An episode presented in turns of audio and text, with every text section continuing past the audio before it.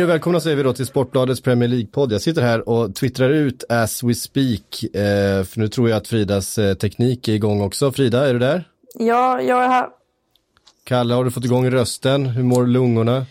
Eh, rösten är bättre idag. Igår var jag ganska snuvig och eh, ganska tjock i halsen så att då eh, hade det nog inte låtit så bra. Men eh, nu är det bättre. Bra. Eh, inga, inga maratonlopp än så länge då, utan får vila en liten stund. Men en podd kan du klara av. Alltså det är inte så mycket maratonlopp annars heller ska jag väl eh, säga. Det var länge sedan man var fit nog för ett maraton. Eh, så att ehm, ehm, det stämmer, inga maratonlopp. Mm, ehm, ingen Premier League-fotboll såklart. En, eh, en del landslagsfotboll som vi kanske kan eh, säga ett eller två ord om. Eh, däremot så skulle jag vilja prata lite om managers, vad de har åstadkommit. Det var några som vi hade frågetecken för inför säsongen. Har vi spelat fyra omgångar, kommit en liten bit in. Första landslagsuppehållet avklarat. Vad är status? Vi har fått vår första, vårt första avsked. En, ett namn som jag faktiskt flaggade för lite efter ett par omgångar var ju Javi Gracia eh, i Watford som nu har fått sparken. Eh, ändå lite, jag trodde inte riktigt på det, men vi bara flaggade för det med den dåliga start som Watford hade. Eh, men en blev ändå ganska förvånad när man såg att det hände. Du helgarderade, du sa det men du trodde inte på det riktigt. Ja, ja, alltså så här, eftersom någon säkert kommer gå tillbaka och lyssna på hur jag sa det, så helgarderade jag ju då också, så då, får jag, då kan jag ju inte slå fast att jag var bombsäker då Nej, heller. det är det jag menar, du Ja. helgarderade den ja, gången. precis. Ja, men det var ju mest för att man, man tittade på tabellen och så såg man vilket lag har underpresterat mest och det var nog Watford ändå. Eh, sett till förväntningar och att de inte tog några poäng där, ja, de har tagit, nu ska jag ta fram tabellen här så jag inte ljuger, men, men ehm, De tog ju poäng senast. Precis. Ehm, är ni förvånade över att eh, Javi Gracia får lämna så här tidigt? Eh, alltså, man är, borde kanske inte vara förvånad över det med tanke på Watfords eh, historia och att de sällan behåller en tränare speciellt länge. Men jag är ju förvånad utifrån att jag vet inte, alltså absolut, Watford har bara plockat en poäng, men jag tycker inte riktigt att det speglar hur de har spelat. Alltså de har haft ganska mycket oflyt eh, i rätt många matcher. Och inte minst där i premiären. Och på det sättet tycker jag väl att det, det är märkligt och kanske rätt märkligt också att man tar tillbaka en tränare. Eh, på det sättet, alltså med Sanchez Flores. För att jag är inte övertygad om att han är rätt man på rätt plats heller. Eh, han är ju inte heller någon sorts eh, long term solution. Han, har inte, han brukar inte vara i sina klubbar speciellt länge. Så att, ja, jag är lite osäker på vad de vill ha ut av detta faktiskt. Det, visst, han kan ju säkra upp eh, försvar och sådär. Det, det är han ju liksom inte, inte dålig på. Men i det långa loppet så eh, har jag lite svårt att förstå det. man tittar på eh, den här starten så var den inte så lyckad men jag har svårt att tro att han bara fick gå på den. Jag tror att det var att de slog ihop det med avslutningen av förra säsongen som var väldigt svag. Så sett över hans 15 senaste matcher eller något sånt så är ju facit ganska svagt. Eh, ändå är jag oerhört förvånad över att man tar det här drastiska beslutet. Han var ju oerhört populär, Javi Gracia, både i truppen och bland fansen och eh, och ändå Eh. spelet såg ändå ut som det, som det fanns där. Alltså, det Ja, var lite jag- bollar som studsade fel. Och... Precis, jag kan inte se någonting där och inte heller utifrån eh, spelarvärvningar och sådär som har gått snett att han gjort av några pengar. Så här. Tvärtom fick han ju knappt värva någonting i somras. De som kom in i slutet av fönstret var ju Sar där och vem var det mer som dök upp? Ja, och Welbeck dök upp i slutet. Det är inga spelare som på något sätt ja, men, förändrar landskapet för en klubb som Watford. Det är ju spelare som eh, ja, med ganska liten marginal eh, kanske bästa fall tar en plats i startelvan. Jag tycker att eh, det är där man ska peka finger och undra var var satsningen inför det här året för att Watford var ju en av de klubbarna som faktiskt hade chansen att etablera sig precis bakom topp 6 och eh, det kändes inte som att klubben var så intresserad av att spänna bågen nu. Så att eh, jag, jag är väldigt förvånad och eh, jag tror att han har goda chanser att få ett nytt jobb och göra ett bra eh, avtryck där. Eh, bara att titta på det han gjorde sedan han kom in i Watford så tycker jag han verkar vara väldigt skicklig eh, tränare, lagbyggare och även rent taktiskt så. Så att eh, jag är förvånad. Kiki Sanchez Flores är ju, ja, det är ju ytterligare en överraskande att, att de tar tillbaka då en tränare som de kapade av efter bara ett år dessutom. Mm. Han gick ju in där och rattade dem under ett år, fixade en mittenplacering, vilket var väldigt bra då. Men eh, fick ju inte fortsätta och vad är det då man ser hos honom nu som gör att han plötsligt nu duger? Mm. Eh, jag är oerhört eh, skeptisk till comebacker överhuvudtaget. Eh, så för tränare. Det blir oftast inte lika bra när man kommer tillbaka. Så att eh, eh, där sätter jag ett frågetecken. Sen eh, vad jag förstår så har han väl haft då, eh, jag läste där att han har haft en väldigt eh, starka band till Watford. Kiki Sanchez Flores. Han, eh, när han eh, var i klubben så hans son spelade i akademin. Han startade, tyckte jag lät kul, han startade ett, eh, ett femmannalag med, med, med ledarstaben i Watford som spelade i the local leagues där. Och eh, sådär och eh, han har längtat tillbaka till England och han vill, vill tillbaka till Premier League. Så att det finns säkert något band där men jag är ändå frågande kring att man plockar tillbaka honom. Mm. Eh, ja, som sagt, så svaret på vem den första tränaren att få sparken, eh, det fick vi då. Eh, däremot så har vi haft några andra namn uppe för diskussion ju, framförallt några som vi inför säsongen hade frågetecken eh, kring hur de skulle klara sig. Eh, jag tänkte vi skulle gå igenom lite se hur deras status har förändrats under de här första fyra veckorna. Är ni med mig på den? Jo. Ni hänger med? Vad, vad sätter vi ribban då för? Alltså har du någon form av betygsskala där för status eller? Ja, alltså jag, vi kan väl sätta plus då eftersom vi är på Aftonbladet. Okay. Eh, får vi väl göra. Eh, jag vill börja med Ole Gunnar Solskär. Uh, och då menar du plus, inte utifrån hans prestation, utifrån hur säkert han sitter eller? Uh, jag tänkte mest hur hans uh, prestation har varit den här säsongen. Eh, så kan vi väl fylla på med hur säkert han sitter. För det, det är ju det svåra att säga om. Det är kanske lättare att, och ta, göra en analys av hur bra han har lyckats med sitt uppdrag utefter förutsättningar och så vidare. Eh, Frida, vill du börja med eh, Ole Gunnar?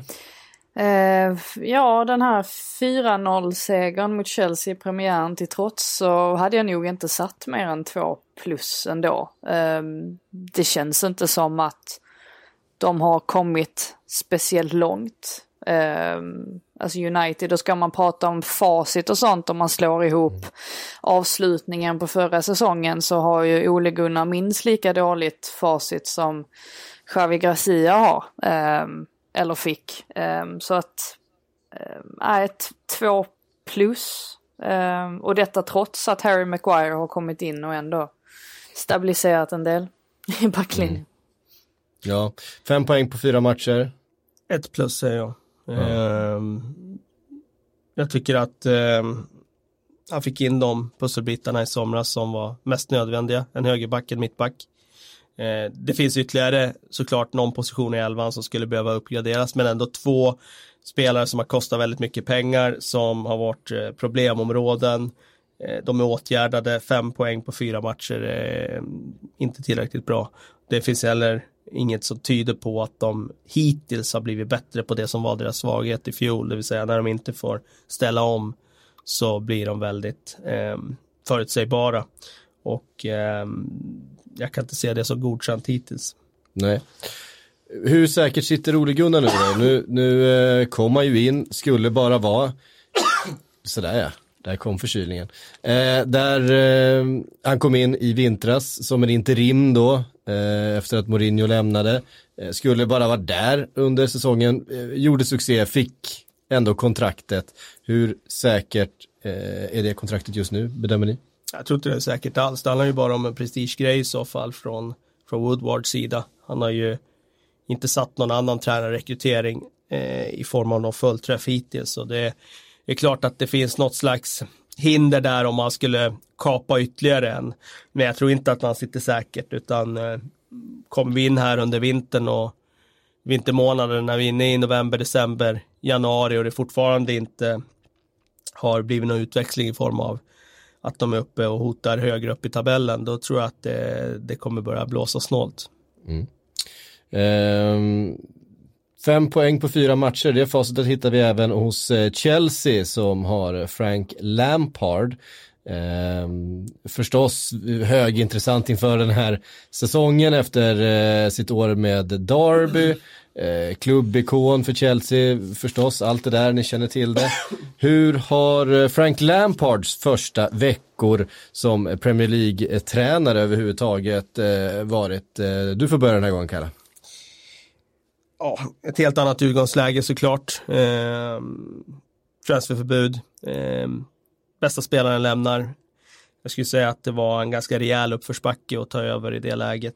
Hade inga stora förväntningar på Chelsea inför det här året. Eh, det här handlar mer om ett år där man ska hålla sig flytande ovanför vattenytan, släppa fram unga spelare och spelmässigt ta några kliv framåt så att läktarna får se att det, det finns någon form av progression. Och det tycker jag nog att man har sett. Och bara det att de här unga spelarna gör avtryck som Mason Mount, eh, Hanson och Doy kommer komma tillbaka från skada här. Det är ytterligare en spelare som skulle kunna... Tammy Abraham har gjort det. Eh, precis, Tammy Abraham har gjort det väldigt bra hittills. Bara det tycker jag gör att det blåser en positiv vind i Chelsea. Så att han får godkänt av mig, två plus. Det är klart att fem poäng på fyra matcher är ett skralt facit, men eh, de har haft en del tuffa matcher och det, eh, det är väntat att, att eh, det, det kommer att vara stapplande det här året. Mm. Eller framförallt i början. Här. Mm. Frida? Jag tycker det är lite snålt med två plus. Jag, eh... jag tror att det här kommer vara genomgående, att Frida kommer ge ett plus mer än Kalle. Det, det, jag tror det är någonting med era personligheter också. Men eh, jag, jag, jag, jag, låter den psykoanalysen vara ett tag och så får du ja. helt enkelt bara sätta de plussen ni vill. Jag tycker ju jag tycker faktiskt att han är uppe på eh, tre plus eh, minst. Eh, och, och återigen den där premiärmatchen dyker upp här igen nu, alltså mellan United och Chelsea. Och jag tycker väl att så länge han, alltså Lampard, lyckas han bara få bukt på de här liksom billiga misstagen som de tenderar att göra ibland. Och han får in Rydiger i mittförsvaret och liksom bort med Zuma som uppenbarligen eh, har det ganska svårt på den här nivån. Då tror jag att det kommer att se ännu bättre ut. För jag tycker att Lampard har gjort i princip allt han har kunnat göra. Och, och jag menar vissa perioder under matcher, det är ju typ det bästa man har sett i, alltså hittills under säsongen. Alltså då tänker jag till exempel på de 20 första minuterna mot Leicester som var fantastiskt bra. Sen sjönk de ihop, absolut. De orkade inte hela vägen, men det märks ju att han, han, han är ju på väg någonstans till skillnad från Ole Gunnar då, eh, för tillfället. Eh, och han har sån enorm respekt i, i klubben och, och, att han dessutom är bra på att ta fram unga talanger. Jag tycker definitivt en trea. Absolut. Mm. Ja. Eh... Men är han bra på att ta fram unga talanger eller ja, men, har han hamnat i ett läge där han måste spela dem? Ja men alltså det, det, är väl säkert en kombination men jag menar i Derby så, så var han ju inte sämre på det heller. Eh, så att det visar ju att han, det är säkert en tränare som, som gillar att plocka upp unga talanger. Och det hänger säkert ihop med att han, att han har den statusen i Chelsea och att han känner så mycket för den klubben också. För att han förstår ju självklart att det handlar om att få resultat. Men jag tror samtidigt att han värnar om att Chelsea ska ta vara på sina unga talanger också. Det är bara det intrycket jag har fått i alla fall. Mm. Uh, hur säkert sitter Lampard? Väldigt säkert. Ja, ja alltså, alltså de... han sitter ju säkert den här säsongen, det ska jag säga. Eh, det ska nog gå väldigt dåligt om de ska plocka honom när de har ett transferförbud. Mm. Eh, den kanske mest ifrågasatta tränaren inför säsongen, eh, eventuellt även av undertecknad, var Steve Bruce i Newcastle. Nu låter det sådär hos dig igen Frida. men jag kan ju inte stanna London, alltså det går inte. Jag, jag ber om ursäkt. Det, ja. det, det, funkar inte Jag vill åtminstone att du försöker.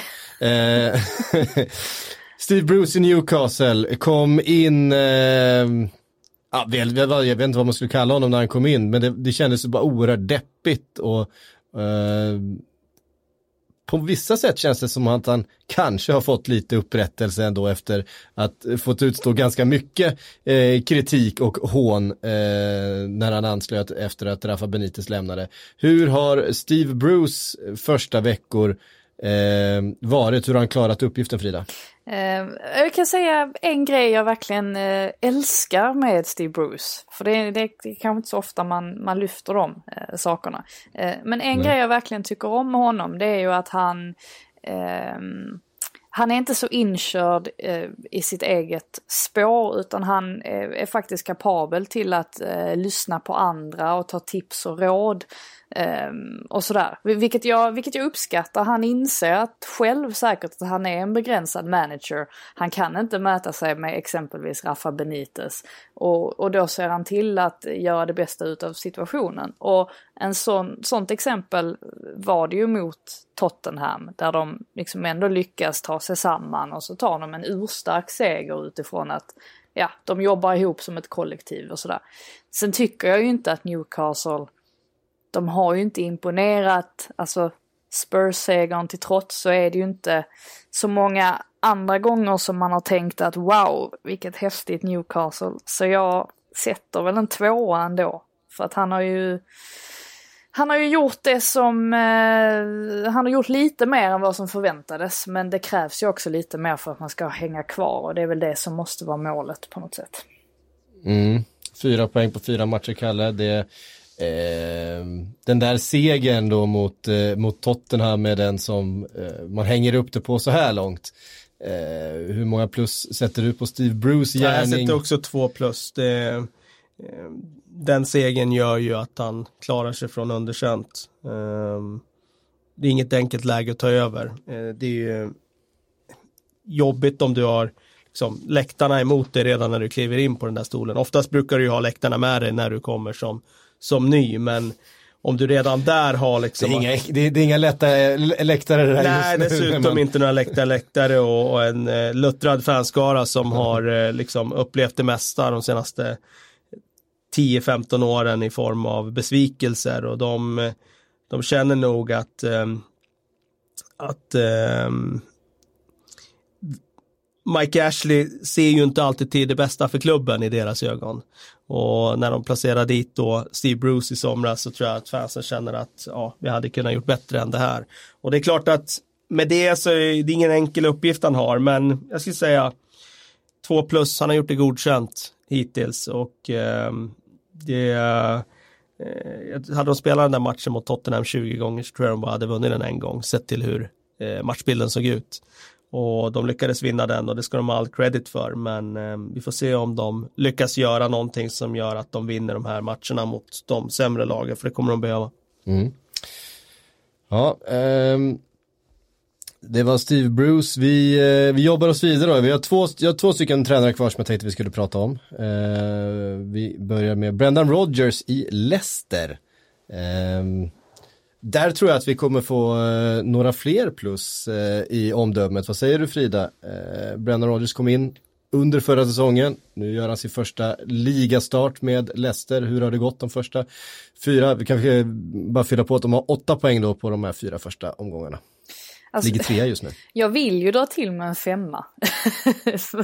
Eh, men mest... Du gillar ju femmor. Jag gillar fem, jag gillar att höja folk, det är min grej. Nej, mm. men, nej men det är väl mest om man tänker på vilken sits Leicester satt i med Claude Poel och vilken sinnesstämning det var kring hela klubben så är det ju faktiskt ganska ofattbart hur Brennan Rogers har lyckats vända det på Eh, på ganska kort tid och inte sådär med en eh, jädrans massa nyförvärv heller. Eh, och jag tycker verkligen att det, de har ju visat nu också de inledande omgångarna att de har någonting som mycket väl kan räcka för att slå sig in eh, bland Big Six. Och det visade de inte minst mot Chelsea exempelvis. Ehm, som de, ja, en match de förmodligen hade vunnit om de bara hade haft lite fler marginaler på sin sida. Och jag tycker alltså de, han har så många spelare som, som ser så fantastiskt eh, bra ut och då liksom inte bara Jamie Vardy utan det är ju James Madison och eh, liksom han har lyckats ersätta Harry Maguire där, eller han och han men liksom de har hittat ersättare till honom på, på mittbackspositionen och sådär så att jag, jag vill verkligen ge honom en, ge honom en femma. Eh, ja, men det tycker jag du ska göra då. Ja. Eh, absolut. det, det står det helt, eh, helt fritt. Kalle, eh, instämmer du i femman? Nej, jag nöjer mig med en fyra. Eh, de har trots allt ett väldigt bra material. Eh, Men, de har, men, är men, inget- men, men tappade Maguire, världens dyraste mittback. Precis, samtidigt så eh, det är ju inte där som de har haft sin svaghet tidigare utan en mittback kan du nästan alltid plocka in om du är Leicester. Eh, arbetsbeskrivningen där tycker jag inte är jättesvår som mittback. Eh, de hade ju ändå någonstans eh, en offensiv som eh, man kände skulle kunna uträtta väldigt mycket eh, nu. Så att jag tycker det är väntat att de är eh, riktigt bra. Och eh, de har gjort det väldigt bra hittills. Och eh, de, eh, de kommer att vara där och hota upp mot topp 6 och gör de det så kommer ju betyget förmodligen bli en femma till slut. Eh, och han sitter rätt säkert va, just nu, Brennan Rodgers får man Det säga. gör han, samtidigt går det fort i svängarna. Det, vi har pratat om andra tränare som sitter säkert också och sen sker det saker och sen eh, sitter man inte säkert längre. Så att, du gör ju den här bedömningen efter fyra omgångar. Jag skulle säga att Ja. det är ganska tidigt. Det, det är väldigt tidigt. Ja, men jag gör det ju för att vi har fått den första, den, den första sparkningen. Eh, och det är därför det blir intressant. Ehm, sista tränaren jag vill ta upp då, Graham Potter i Brighton såklart. Eh, fyra poäng på fyra matcher, över strecket, men som vi har konstaterat, bara fyra matcher spelade. Eh, hur har Graham skött sig Frida? Eh, du har väl varit där och, och, och följt honom på ganska nära håll?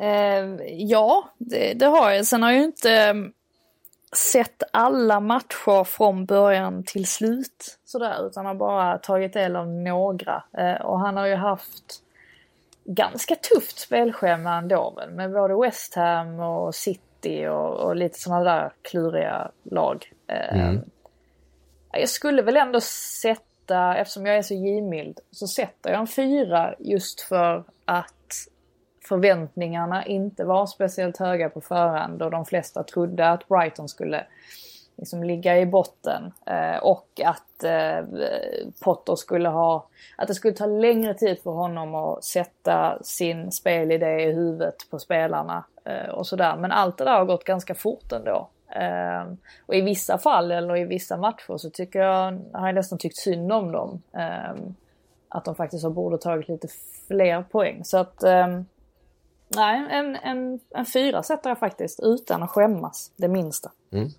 Ja, vad fint. Kalle?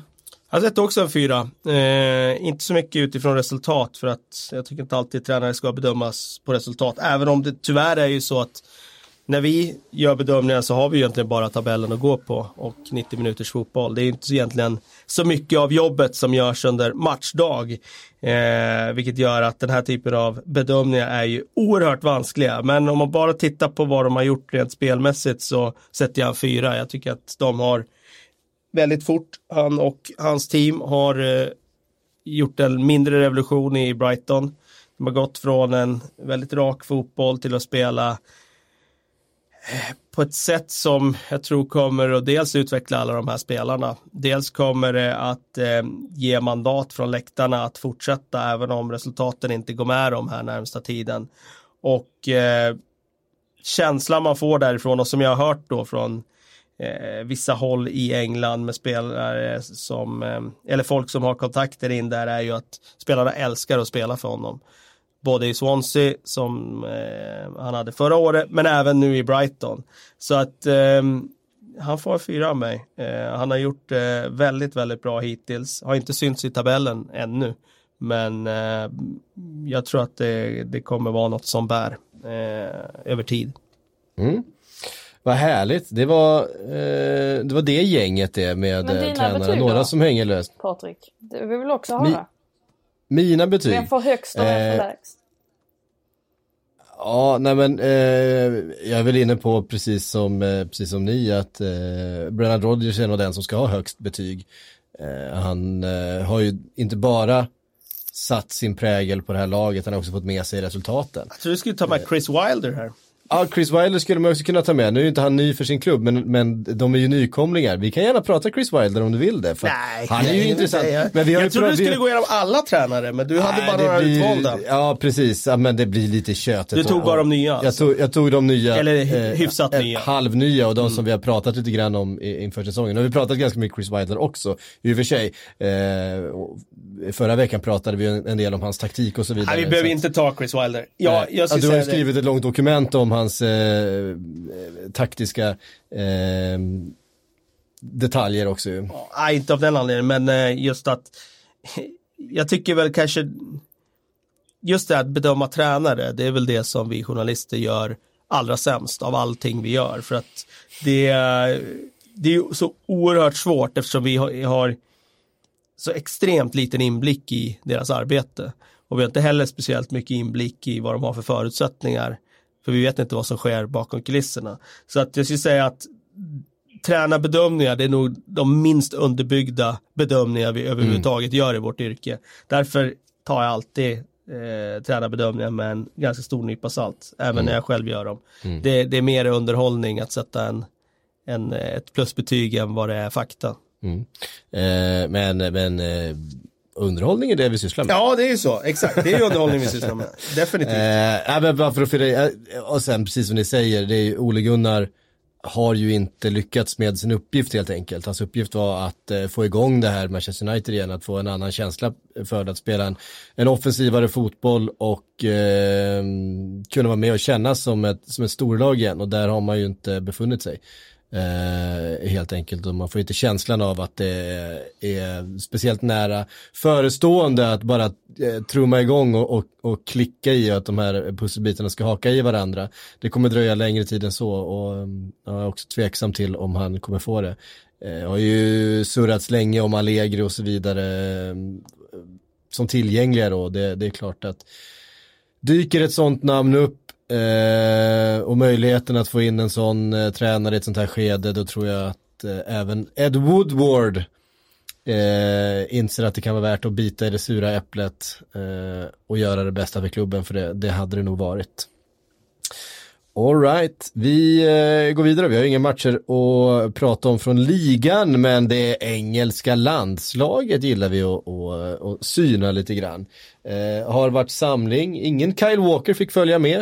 Eh, det tyckte jag var lite intressant, liksom att eh, rotera i landslaget på det här sättet för att låta andra liksom, spelare komma ja, få chansen och få lite, lite speltid. Eh, då kunde han lika gärna stanna hemma om han inte liksom eh, skulle starta ändå tyckte Gareth Southgate. Va, va, vad säger ni om den eh, inställningen? Men är det inte rätt vettigt ändå på något sätt? Alltså han vet ju exakt vad han får ut av Kyle Walker. Um, och när de ändå inte ska spela trebackslinje utan det handlar liksom om eh, en fyrbackslinje så um, ser inte jag heller någon poäng riktigt i, i att ta med honom. Så jag, um, jag Det tycker var rätt gott om högerbackar. Ja, de har, de har ju det. Och eh, då åkte ju till och med eh, Wan-Bissaka hem och ändå så, så flödar det fortfarande. Eh, där mår de bra. Eh, men det kan, kanske ska ge lite cred ändå till Ashley Cole för det. Eh, visst, nu var han till Eh, nej men just det här med ytterbackspositionen att det är ju faktiskt vad det sa Alexander Arnold i alla fall att det, det var ju han som eh, gav nytt liv till den positionen. Det var ju inte så himla... Eh, det var en ganska torftig position tidigare ju.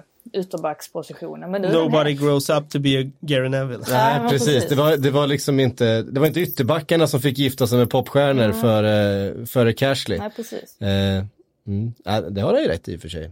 Eh, men det är en, och det är ju ett, det kanske, nu är jag ju rätt så anglofil. Eh, om, om, om nu någon har, har missat det under Ja, det-.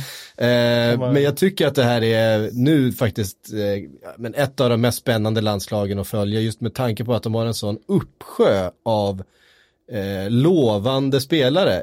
Kan, de har ju ett gäng såklart, Raheem Sterling och Harry Kane och så vidare som är superstjärnor redan och som tillhör världstoppen. Men så har de liksom så pass många i, ja men Madison och Mason Mount och eh, Alexander Arnold tillhör ju världstoppen också även om han är väldigt ung. Ehm, Declan Rice och så vidare som ska in och bygga någonting. En ny gyllene generation är ju verkligen det det pratas om och det är ju spännande att följa. Jag, jag, tycker det är synd att de inte kan ta delar från den här eh, fina generationen i, när Svennis var där. Eh, och sen så ta mm. delar av den och så sätta ihop med den nuvarande. Då hade de ju fått ett perfekt landslag. För att idag är det... Då hade ganska många fått ett bra landslag. Man fick ta de bästa ja, från olika generationer. Nej, men jag ja. tänker just främst att de hade sånt överflöd av mittfältare i mitten på, mm. Eh, eller där, alltså Svennis-epoken. Vad säger man? 00-talet? Eh, mm. Och sen så nu är det Beckham kanske... och. Ja, och sen nu är Samtidigt det ju där så... de har lite frågetecken. Alltså vilka som ska spela på de positionerna. Så, så, är det ju. Samt, och de hade ju gärna kunnat tagit någon av dem. Men det som var det stora temat då på 00-talet var att även de hade alla mittfält, de hittade aldrig någon balans på det där mittfältet. Det Nej. funkar ju aldrig. Det funkar ju inte med Lampard, Gerard och Scholes och så vidare. Då skickade de ut Scholes på kanten och mm. det blev ju egentligen bara problem att ta så många kockar. Plus att det var spelare som gick och sneglade åt varandra också, kände en väldig intern konkurrens bara och inte var så sugna på att, på att lira boll tillsammans egentligen. Nej, precis. Eh, har du också kommit fram en del så att det där är inte helt lätt när det blir väldigt stor konkurrens. Och man undrar lite grann där på hög, vem ska spela, vem ska spela högerback, Kalle, för? Om du skulle ställa upp det bästa engelska landslaget just nu. Ja, det är lite beroende på motstånd mm. ska jag säga, för de har ju den lyxen att de kan göra den typen av val. Jag tänkte säga det, just det där med Kyle Walker, det är inte alla förbundskaptener som kan göra den typen av lyxval. Nej. Att ställa över spelare bara sådär för man har oftast bara en i den positionen. Men det är klart om de möter Kosovo hemma så tycker jag Trent Alexander-Arnold är ett jättebra alternativ för att han har den offensiven han har. Och, eh, det är klart att om man möter Tyskland. Spanien borta så skulle jag säga att Van Bissaka med hans en mot en spel defensivt skulle vara jätteintressant. Eh, så att det, det, finns nog olika modeller där. Och Kyle Walker kanske är någon slags mellanting däremellan. Mm. Eh, även i en fyrbackslinje. Men eh, jag, tyckte, jag tänkte där när du sa att du var anglofil där. Jag tänkte döma ut Trent Alexander-Arnold där. Om man säger att Ashley Cole var den som gjorde ytterbackspositionen eh, sexig. Det säger väl någonting om den engelska trångsyntheten. Det har funnits någon Cafu och någon Roberto Carlos som, som har glimrat till på de positionerna ganska mycket mer än vad Ashley Cole gjorde under ganska många år långt innan dess också. Eh, så jag tror inte ska tillskriva Cole så mycket credit för det. På tal om eh, trångsyntheten på de brittiska öarna så blev ju det lite intressant eh, statistik där när Jadon Sancho gjorde mål mot Kosovo.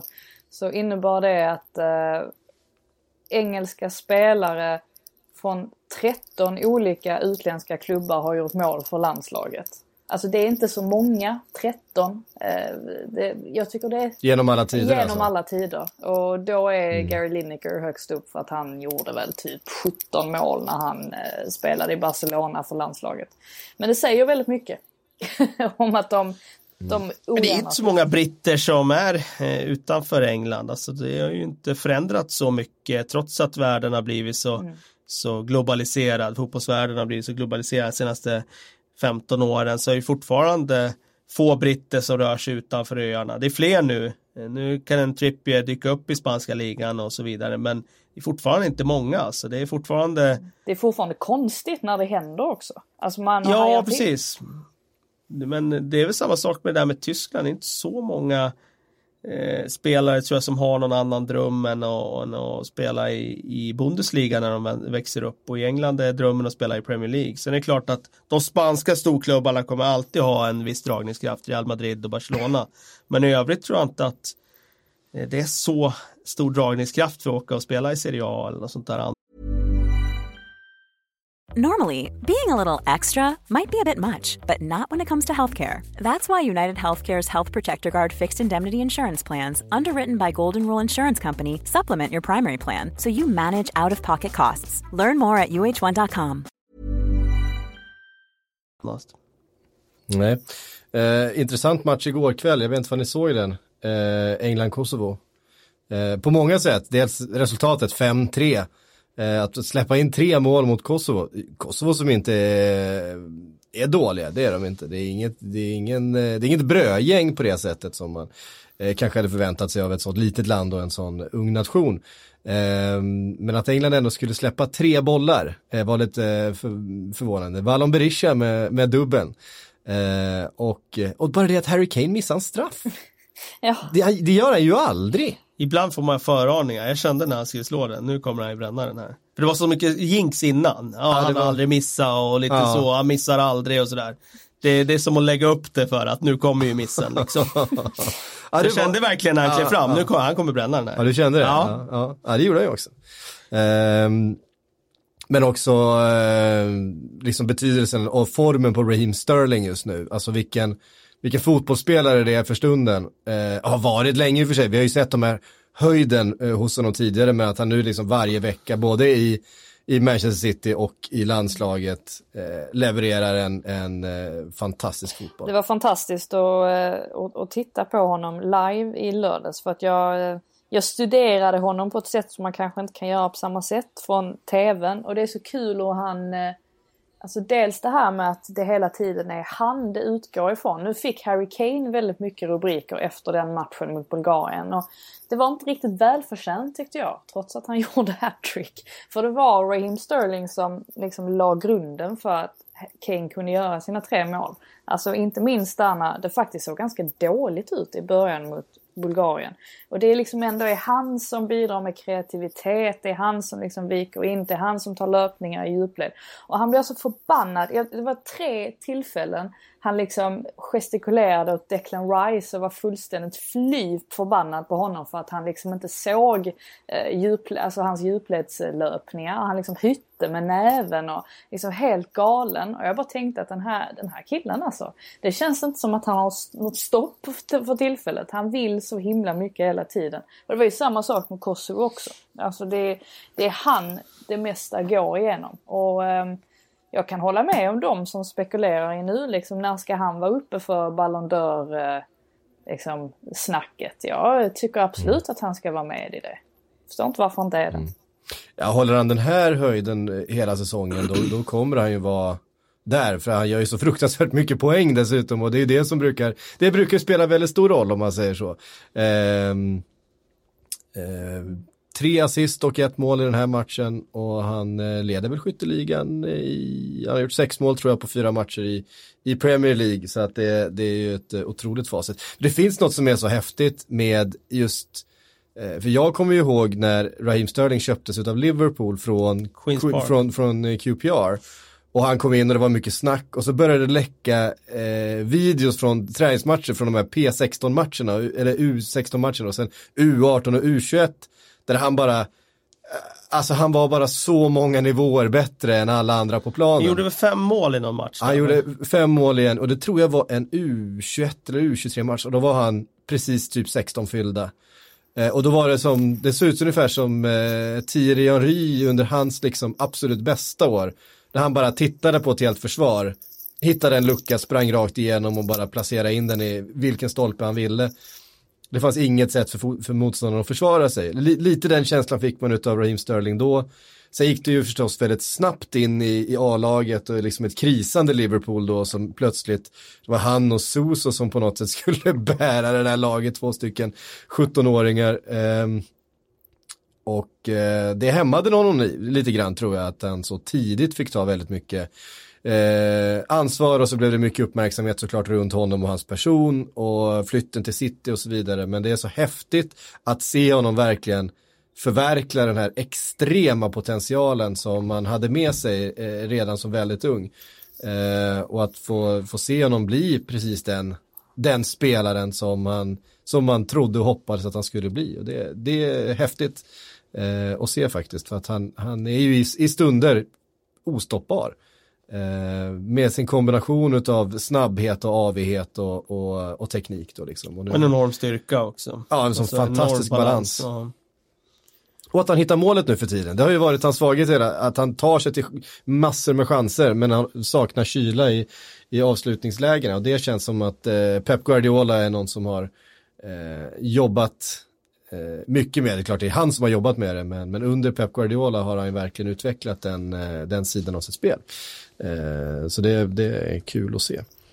Eh, faktiskt. Vi, är det någon, någon annan som ni vill lyfta från landslaget och från den här, de här två matcherna? Ja, alltså, ut? tänker lite på, för de pratar ju väldigt mycket här borta om eh, problemet med, med Rashford. Om man nu kan säga att det finns ett problem, men det, det, många hävdar ju det att nu har han kanske inte kommit upp i nivå som ytter. De här, eh, ja, nu fick han ju inte, nu fick ju Jadon Sancho spela igår eh, till och med. Eh, mm. Och han fick komma in med, vad var det, 6-7 minuter kvar. Men ja, han lämnade ju en, en, del att önska i, i lördags mot Bulgarien. Och, och, just det här att han har hamnat lite i kläm menar många att liksom, är han en ytter eller är han en striker? Um, att man inte riktigt vet var, han, var man får ut liksom, den mesta potentialen ur honom. Um, och det är så många som, som ett problem och sen då dessutom att Sancho kom in och gjorde två mål mot Kosovo. Att det kan indikera att ja, Rashford har ju definitivt en plats i en engelsk landslagstrupp. Men det är ju inte nödvändigtvis säkert att han eh, har en plats i, i startelvan. Mm. Mm, mm, mm. Vi eh, det eh, landslaget bakom oss då. Eh, det känns väl skönt att kunna lämna en landslagssamling bakom sig och koncentrera sig på ligafotbollen igen. Eh, det tycker i alla fall jag. Eh, och så tittar vi lite framåt och ser vad som väntar oss till helgen.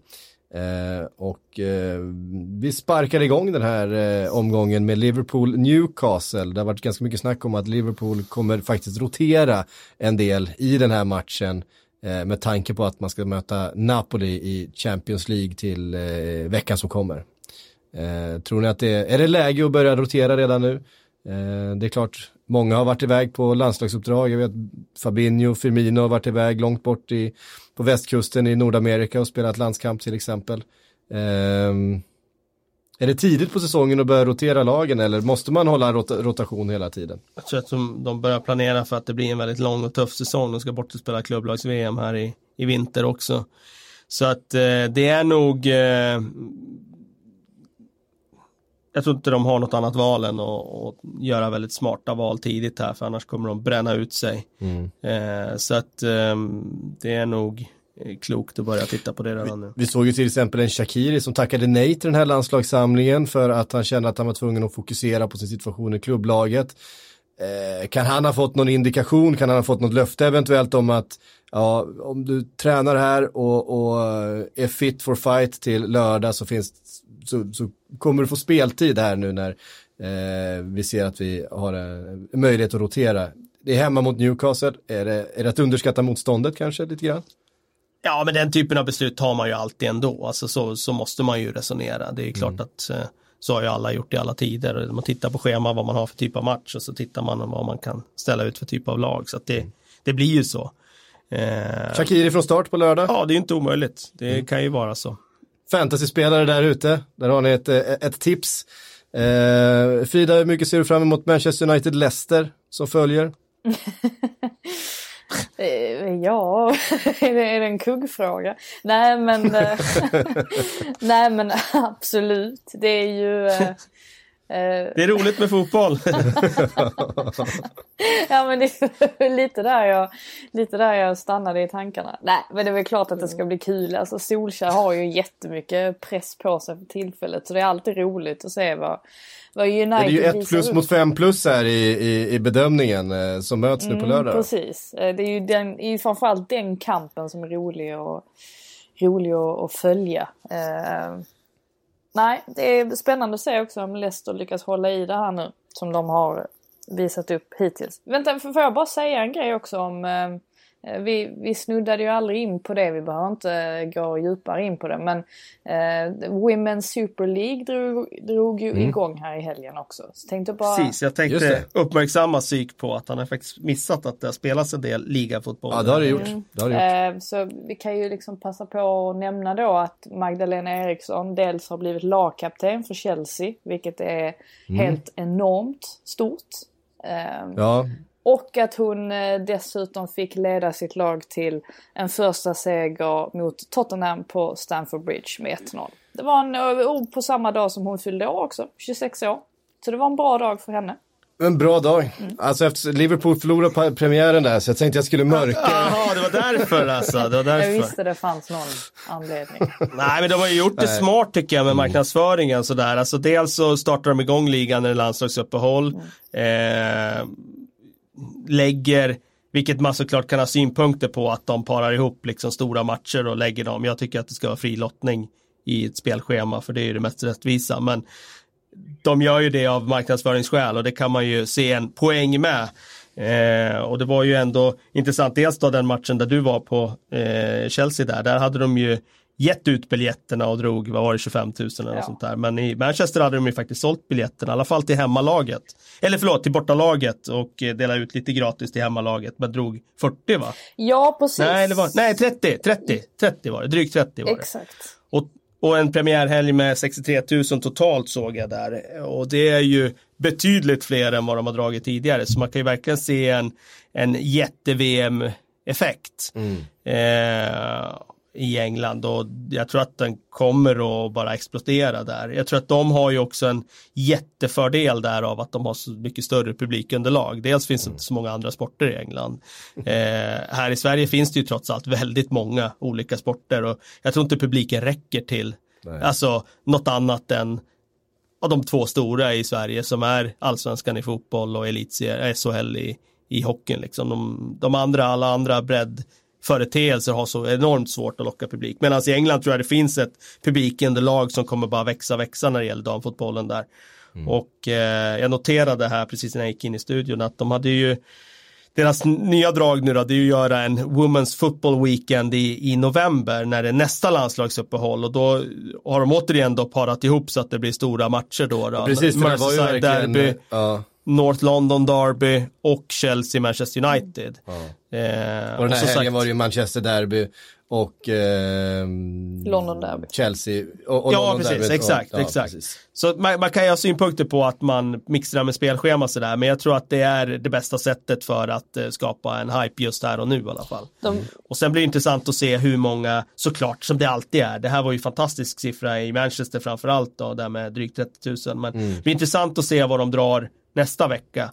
För det är ju ändå det som ska bära dem framöver. Liksom. Det är ju väldigt... Inte vad de drar på en enskild helg. Det, det, är ju väldigt häftigt också att se alltså, vilken utveckling storklubbarna har gjort. Alltså nu finns det ju, det finns bättre exempel och det finns lite sämre exempel. Och Ehm, jag menar Manchester United drog inte igång sitt damlag förrän 2018 så de är ju ganska nya i gamet och Tottenham har ju inte pumpat in pengar. Det är ju de senaste åren bara som de liksom verkligen har börjat satsa. Sen finns det ju bättre exempel. Arsenal var ju länge ett, ett föredöme eh, och har eh, satsat väldigt mycket pengar under en ganska lång tid. Men Chelsea är ju den klubben som jag liksom har haft privilegiet att liksom få en lite bättre insyn i på grund av Hedvig Lindahl då, Magdalena Eriksson och Jan Andersson. När man har liksom lyssnat på dem och, och, hur det var när, när Hedvig kom dit 2015 när det, liksom, de fortfarande absolut inte var jämlika med, med herrarna överhuvudtaget och hur det är nu där liksom härspelare eh, går ut och, och stöttar dem på sociala medier. Aspilicueta var ju ute och Lampard eh, stöttar dem och var på plats också i, i söndags under matchen. Och, alltså vilken, vilken hel förändring de har gjort. Det, det är ju det som är kul mm. att se också att Abramovic och, och alla de liksom högre pamparna i klubben börjar se fördelarna. Och sen absolut, det har ju med pengar att göra i slutändan. De inser ju att eh, man kan ju locka fler och större sponsorer genom att kunna erbjuda damlag också. Men det får man lite grann ta tycker jag i det här fallet. Att eh, det är en sån att anledningen är, är, så pass cynisk. För jag, jag, tycker att... Fast jag tror inte det alltså. Jag tror inte att det är så cyniskt när det handlar om pengar. Jag tror inte det är pengar, mer goodwill än pengar. För om man jag vet att många säger det där med att man tjänar pengar hit och dit om man har fler lag och sådär. Titta hur många fotbollsklubbar det är över hela världen som tjänar pengar. Det är jäkligt få. Det är ytterst, ytterst, ytterst få klubbar som tjänar pengar. Jag tror inte att det blir eh, det här kommer ju bara vara förlustaffär i början. Så att jag tror inte att de ser det pengamässigt, jag tror det är mer goodwill. Jo men det är eh, absolut, alltså det, det, är klart att det är rent långsiktigt, det är samma med, med Visa till exempel nu under VM i somras så gick de in med exakt lika mycket pengar som de gjorde under herrarnas VM förra sommaren. Och det sa de ju rätt ut att det är en förlustaffär för dem att göra det på ett dam-VM eftersom att ett dam-VM inte genererar lika mycket pengar eh, som ett herr-VM. Men man gör det ju med någonting annat i åtanke, att man ska en dag få till tillbaka de pengarna i avkastning längre fram. Och nu finns det, det finns ju en massa företag i England till exempel som riktar in sig mot, eh, mot kvinnor som eh, eh med olika skönhetsföretag och sånt där som, som klubbarna har insett att ja men det här är ju jättebra att vi kan locka den typen av Eh, ja, men vi har till exempel Boots, alltså det är den stora apotekskedjan i Storbritannien som sponsrar eh, samtliga damlag på de brittiska öarna exempelvis. Alltså det finns en, en marknad som är helt oexploaterad eh, kring damfotbollen och det är den man försöker nå i det här fallet. Och och pratar vi storklubbarna i England så är det ju inte direkt några ekonomiskt utsatta eh, föreningar vi, vi pratar om. Nej, precis, det är det jag menar. Det, de, de tar den smällen för att det är ja, goodwillmässigt där. Och det är inte mycket smäll att prata om i deras, alltså det, det flyter så liksom miljarder igenom de där bankkontona att det eh, det, det, handlar ju mer om att, att det är en ansträngning som ska göras. Eh, och såklart så blir det goodwill eh, utav det och det blir en bra och det, det, det är bra marknadsföring och, och allt det där. Det, eh, jag tror att anledningen till att det har dröjt har helt enkelt varit eh, att man, man har inte brytt sig tillräckligt mycket eh, i, eh, i klubbledningarna. För att, eh, Nej, det, så är det ju. Ja. Jag vet ju där i Manchester United har det ju sagt att Sir Alex var ju en stoppkloss där. Ja. Han sa ju nej, kort och gott, och han hade väl ganska stort inflytande där.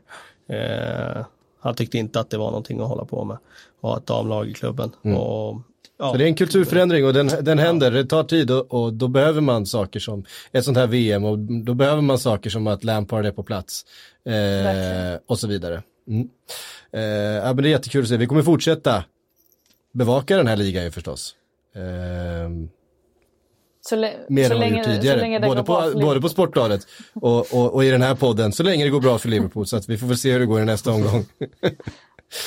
eh, vad fint. Eh, var det några andra matcher från eh, omgången som väntar som ni är sugna på? Det var inte några jätte, inga jättehöjdare. Wolves-Chelsea kanske? Spelas då samtidigt som Manchester United-Leicester. Eh, kan vara intressant. Wolves är ute i ett lite knivigt läge så här i början på säsongen. Det ligger inte riktigt där de hade förväntat sig. Eh, Norwich, Manchester City. Det, hur många minuter innan det är 1-0 till City? Det är ju inte 10. Det är under 10. Det är ju den här typen av matcher som det alltid smäller till efter typ 3-4 minuter. Norwich har ju kanske inte det bästa försvarsspelet heller för att gå in i en match mot ett av de bästa anfallen i ligan. Ja. Om man tittar på hur de spelar mot Liverpool som var liksom självmordstaktik taktik i den matchen. Ja, så att vi får se. Precis, det var 4-0 i halvtid där. Jag ser fram, eh. faktiskt mest fram emot uh, Watford Arsenal på söndag. Det ska ju bli lite spännande. Precis. Ah, nu lämnar vi eh, omgången som kommer och sen så tittar vi efter lite frågor. Vi har fått ett helt gäng. Eh, Niklas Nerby undrar, varför använder så få lag frisparksvarianter? I sämre skottlägen så måste det vara mer framgångsrikt, eh, framgångsrikt än att chansa på ett skott. Jobbas det mycket med frisparksvarianter? Ja, men jag tror att det är någonting som, det är en utvecklingsdel inom fotbollen, just set pieces, så det kan man ju titta på. Liksom. England åker till VM förra, förra gången med en eh, specifik tränare för fasta situationer och nu tar de in det i klubbar. Gerson fick ju jobbet nu i Brentford. Han skulle vara ansvarig för fasta situationer där. Så att jag tror att det är någonting som kommer att komma mer och mer. Eh, och det finns definitivt en utvecklingsdel i fasta situationer och varianter och så vidare. Eh, så, eh, mm. ja. Ja. Eh, Roberto undrar hur många matcher till innan Liverpool åker på första poängtappet? Redan till helgen? Ah, hemma mot Newcastle så tror jag. Ja, den ska mycket till om de tappar poäng där. Mm. Eh, sen är det väl Chelsea helgen efter va? Chelsea eh, borta ja. Chelsea borta. Sheffield det... United borta, det är väl den där då, 28 september där. Och, ja, Chelsea, Chelsea borta efter en Champions League-vecka, också tuff vecka mot Napoli. Uh, den är tuff. Uh, De har lite tuffa matcher sen som kommer. Ja. Um, mm. United det... borta och sen Tottenham hemma efter varandra där i oktober, slutet av oktober, om en månad då. Ja. Ja, så, men, jag, jag, tror nog att de kommer tappa något poäng före dess också. Det kan mycket väl bli på Stamford Bridge då. Eh, de ja, möttes ju i, i Super League-finalen och då var det ju väldigt jämnt. Precis, men Super League-finalen är ju Super League-finalen, ligan är ju något annat. Alltså, det är ju mer en one-off match. Mm. Nej, jag ser inte framför mig det. Men vi får se. Vi får se. Omöjligt är det inte. Ehm, Kevin undrar, hur skulle ni ställa upp Chelsea startelva när alla är friska? Vart ska eh, Ruben och Loftus spela någonstans? Det är väl, Ruben Offler. det är väl samma person? jag, tror, jag tror att han menar ehm, Callum Eh, Hudson och Rub- Doy. Ja, precis. Ruben och Callum. Eh, faktiskt. Ja, hur skulle ni ställa upp det? Nu, nu måste eh, Kalle hosta lite till. Eh, men eh, framförallt så ska väl Rydiger in va? Ja, det, det ser jag ju mest fram emot. Eh, för Chelseas skull faktiskt. Eh, Och då ut med Zuma då antar jag. Och Christensen får vara kvar. Sen tycker jag väl Emerson är framför Alonso på vänsterback. Till höger så vill man ju att Aspilicueta ska vara den där ledaren som bidrar med det i alla fall. Men hans status i startelvan är väl lite osäker ändå. Samtidigt vet jag inte om det finns några riktigt bra alternativ där. Nej, de har ju sålt Zappacosta. Ja, och var han ett bra alternativ någon gång? Det vet jag fan. Framförallt inte fyrbackslinjen. Nej, jag sett ett frågetecken där. Men eh, sen är det svårt att komma ifrån ett, ett dubbelblock där med, med Jorginho och Kanté. Alltså två, två defensiva mittfältare. En tia framför med Mount. Där tror jag man är ganska fast. Tammy Abraham har gjort platsen till sin nu där framme. Så de är ju fasta. Sen ska väl Hudson och Doy in på en kant. Och Pulisic. Ja, Pulisic eller Pedro på den andra. Ja. Eh, ska jag säga. Lite utifrån motstånd och form och sådär. Mm. Och sen, eh, ja, där har vi det väl ungefär. Mm. Ställer du upp på det Frida? Ja, det gör jag, men man får ju lugnt säga att Ingen Ruben. Nej, men alltså det är det jag menar att det såg ju ganska mörkt ut, alltså truppmässigt. Men får de bara tillbaka de spelarna så har man ju helt plötsligt ganska många alternativ. Eh, och så, så det är ju positivt i alla fall för dem. Ja, alltså mittfält två med Kanté och Jorginho har ju eh, skaplig höjd i sig om man säger så. Eh, eh upp, upp, upp, upp, um. Mm. Mikael Norman eh, vill att vi ska ge lite uppföljning till eh, affären Ramsey. Har för, Arsenal förlorat en klubbspelare till bänken eller läktaren i Juve? Ja, och det ser ju inte bättre ut. Det är ganska hård konkurrens där i Juve, om man säger så. Det är också märkligt eftersom han är eh, lagets näst högst betalda spelare. Att, att, Men det eh, blir man ju när man skriver som Bosman så. Så det, det har inte så mycket att göra med kanske att han är bäst utan med att han hade ett bra förhandlingsläge. Men om vi tittar på det då att, att han väljer att lämna Arsenal för den rollen, alltså där han faktiskt är Jo, men han är inte jätteung längre. Han vill göra ett nytt äventyr. Han får chans att komma till en klubb som kan vinna Champions League. Eh, topp, topp, toppklubb i Europa. Det är väl inte så konstigt. Får en jättelön. Nej, jag tycker inte det är så märkligt ändå. Och jag menar, han kommer ju definitivt att spela matcher i Juventus. Sen kanske han inte startar varje vecka, men han kommer ju definitivt att spela spela där nere. Sen om det är något inhopp i då, eh, då och då, någon start här och där. Alltså, jag tycker nog att det, det kan man ändå förstå. Tycker du det är märkligt? Eh, nej, men jag, jag, jag förstår eh, Mikaels fråga här. Ja, det gör jag också. Nej, men absolut, det gör jag också. Men det är nog så krasst Jag är ja, Mikael här nu när jag, Ja. när jag ställer följdfrågor. Nej, men eh, det är nog så krasst att ja, Arsenal har förlorat eh, en spelare som eventuellt En klubbikon kanske, liksom. Sådär, Ja, så- som, som kanske inte är start varje vecka i Juventus, ja. Eh, Emil Manninen undrar om eh, Pogba flyttas upp som eh, tia, vem tycker ni ska spela brev, bredvid McTominay?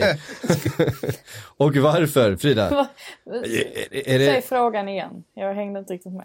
om, om Pogba flyttas upp som eh, nummer 10, som en tia, vem tycker ni ska spela bredvid McTominay eh, och varför? Ander Herrera. Ta tillbaka Ja, honom. han är, ja, de får signa tillbaka honom från PSG då. Ja, det var en jäkla förlust faktiskt med tanke på att alternativen är så extremt svaga. Bara det att McTominay är självskriven. Ja, Alltså, jag nej, men tycker det, att det, det, och jag tycker inte att han är det ändå. Jag vet att frågeställaren nu slog fast att han skulle starta, men för mig är han inte självskriven. Utan det måste finnas andra lösningar där, sett till hur han har presterat. Eh, ja, visst, Han kommer att eh, ta ett hårt arbete i defensiven och, och så vidare. Man vet ungefär vad man får. Det är två plus varje vecka. Varken mer eller mindre.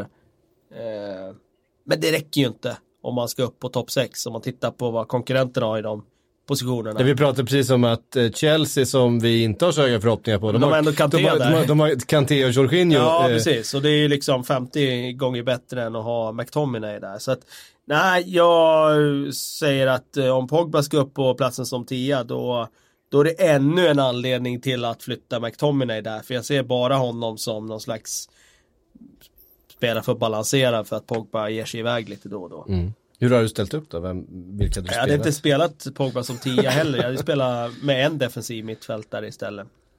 Och eh, två offensiva och Pogba i en av de offensiva rollerna. Och McTominay som den defensiva då själv eller? Nej, då hade det nog varit Matic där faktiskt, trots allt. Trots allt.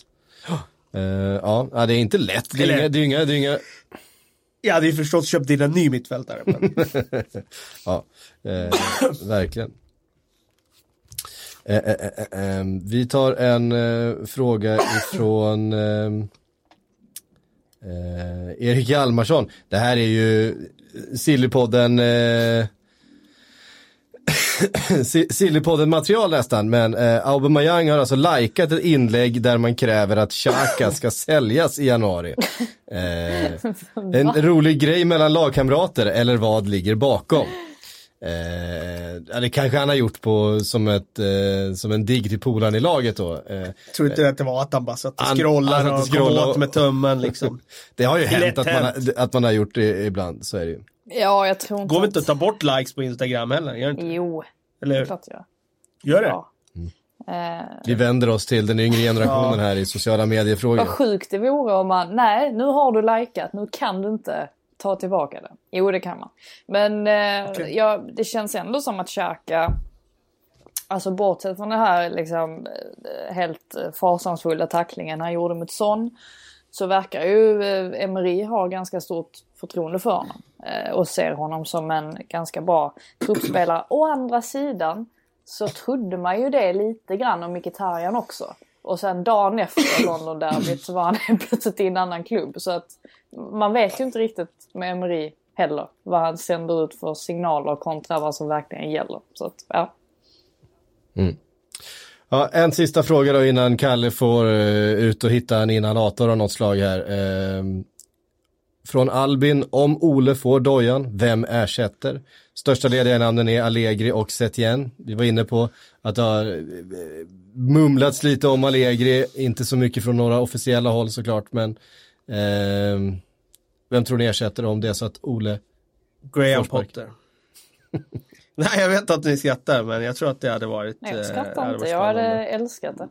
om det hade hänt. Ja, nej men jag tror, jag tror att han kommer, han kommer träna ett topp 6-lag eh, i framtiden. Och eh, jag kommer ihåg när Arsenal bytte tränare där så att det eh, hade varit hälsosamt för Arsenals del om de hade bjudit in honom till, till, eh, till en intervju när den processen, rekryteringsprocessen ska genomföras. Jag tror eh, det kommer inte ske nu. Är det, det, här vi, är det här vi rubbar avsnittet på sen då? Graham. Potter till United. Precis, nej men eh, det kommer inte bli nu eh, som sagt. Men jag tror ja, i framtiden kommer han att träna en, en topp 6-klubb, det är jag helt säker på. Eh, jag tror att eh, om det skulle ske så tror jag att man kommer gå all in på ett stort namn. Allegri tror jag ligger väldigt bra till då utifrån att eh, han är tillgänglig, han, eh, han är den typen av stortränare som klubben skulle behöva då. Jag är i och för sig emot det, eh, att bara plocka stort namn, men här pratar vi om en tränare som dessutom har ett väldigt bra CV, har gjort det i närtid, inte har vunnit ligan någon gång för tio år sedan, utan det är nu han har varit på topp de senaste åren. Setien är ju en riktig idealist och det hade varit spännande rent spelmässigt, men jag tror inte ett dugg på att ta in honom i, i det här läget. Mm. Frida, vilket är ditt namn? Jag hade ju älskat om Mourinho hade lyckats snacka sig in där igen. Alltså, det hade varit en... eh, Tillbaks efter. Alltså det hade, tänk vad kul det hade varit att följa det, alltså som utomstående. Det hade ju absolut inte varit det bästa för United, men det hade varit kul med hela den här såpa tillställningen. Som... Kan vi få en Pogba-cam i sådana fall? och så in Alla den nyheten kommer. Ja, sen... Jag svårt att, tro, svårt att tro att han står och dansar vid poolen som han gjorde när Romelu Lukaku var klar för klubben då. sen... Körde någon moonwalk där liksom. Jag har svårt att tro att han skulle göra det om Mourinho och så, var tillbaka. Ja, så hade de kört liksom en, en presentationsvideo då. Lite så här som i Pogba-tappning med Stormzy som rappar någonting ascoolt. Och sen så kommer Mourinho ut där. Alltså det hade varit helt fantastiskt. Och hans första värvning hade varit att ta tillbaka Zlatan under januarifönstret på en short term deal. Alltså då hade jag varit i himlen alltså. Det hade varit kul. Ja, du hade fått mycket jobb där borta oh, om inte annat. Åh oh, ja, det hade faktiskt varit. Men om du tar om de, de realistiska scenarierna då? För det här var ju inte riktigt realistiskt. Nähä. Uh, nej men jag har lite svårt att... Jag har lite svårt att veta hur, hur man ska tänka och hur de borde tänka. För att... Alltså det, det som Solskär egentligen saknar just nu och som United-spelarna nog hade mått bra av. Det hade ju som sagt varit ett ett namn som kan kliva in där och ha lite auktoritet. Alltså Solskär har ju inte riktigt det. Han var ju ingen... Han är en United-legendar men han är en United-legendar på sitt vis. Det är ju ingen kille som man blir rädd för när man ser honom i korridoren. Alltså han har ju inte den utstrålningen och det är kanske precis det de hade behövt, de här divorna i United. Eh, alltså någon som kommer in och har lite pondus. Och vem skulle det då vara? Ja, då kanske det inte är rätt timing att ta in Graham Potter. Då kanske man ska ha en, ja men Allegri borde väl ha ganska hög status om man kliver in där, tänker man. Mm. Har inte han lite så här Manchester United-aura ja. också? Eller är det någonting jag inbillar mig? Att han har lite den där eh, storlags-auran, eh, lite, nästan lite nonchalanta Eh, som, som på något sätt hör en sån tränarstor till. Det som, precis det som Ole Gunnar saknar. skulle jag... Vadå menar du nonchalanta? Ja, men, lite, eh, men att han har, eh, han för sig lite grann som en, som en, eh, som ett storlag ska göra. Så att han är en, eh, inte den där, eh, ja, men det som, jag tänker som Mourinho eller som, eh, det är, så, ja. men, det där som, det är svårt att sätta fingret på, men det där som kanske Ole Gunnar saknar kan jag tycka. Han verkar oerhört sympatisk och han kan säga rätt saker på presskonferenser och sådana saker, men är han en, är han liksom en, mm. Ja, jag förstår vad du menar. Det där var ju någonting som Allegri skaffade sig tycker jag i Juventus, för han hade ju mm. inte det när han kom då från Cagliari, sen Milan. Eh, då kändes han ju ganska han var, ganska, han var ju väldigt grön när han fick Milan och eh, när han fick mm. Juventus var ju inte det någon självklarhet Det var ju många som, som eh, var väldigt förvånade över att han fick det jobbet. Verkligen. Efter. Men eh, han växte ju där till, eh, till en riktigt stor tränare och jag mm. håller med dig om att han skaffade ju någon slags eh, aura. En pondus liksom. En auktoritet som, där ja. Eh, och det är klart att med tanke på den tuffa sitt som klubben är i mm. så behövs det ju någon med fast hand. Mm. Så känns det ju. Det som eh, Mois saknade också när han, när han kom dit. Men jag eh, tänker, kändes som. en pondus. Thomas Tuchel oh. kanske hade, för, alltså om han nu, alltså PSG det, det är ju vad det är liksom. Och uh, vara tränare där. Men han hade ju säkert ändå haft, det är ju lite credit att ha haft hand om PSG och, och han är ju ändå en ganska Eh, alltså han vet vad han vill.